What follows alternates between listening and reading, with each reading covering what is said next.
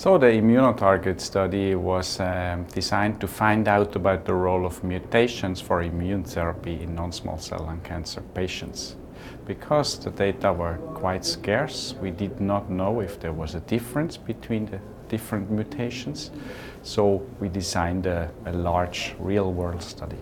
So we have previously conducted similar registries for different mutation types. For example, we started with HER2 and we had BRAF, then we had ROS1 and RET.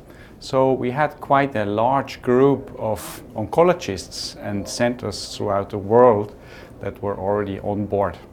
We have previously reported the first results during the ASCO meeting in 2018. My colleague uh, Julien Mazières has shown the first results for the entire group of patients showing that we have different activity of immunotherapies in different mutation groups. So today we present an update from the registry about special mutation subtypes. For example, subtypes of EGFR mutations, ALK, ROS and RET rearrangements, or BRAF mutations.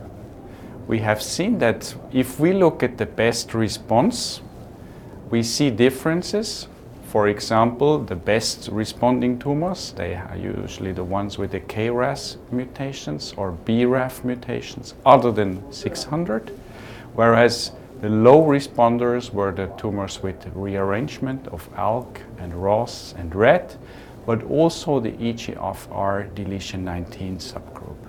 So the conclusions from this study is not definitive because it was retrospective and some smaller subgroups, but we think that it's important to know the mutation status from a tumor before you start immunotherapy because there can be large difference between the different mutation subtypes. So the immunotarget registry remains open. We are open for any center that is interested to contribute cases, please contact us and we'll be happy to set it up with you.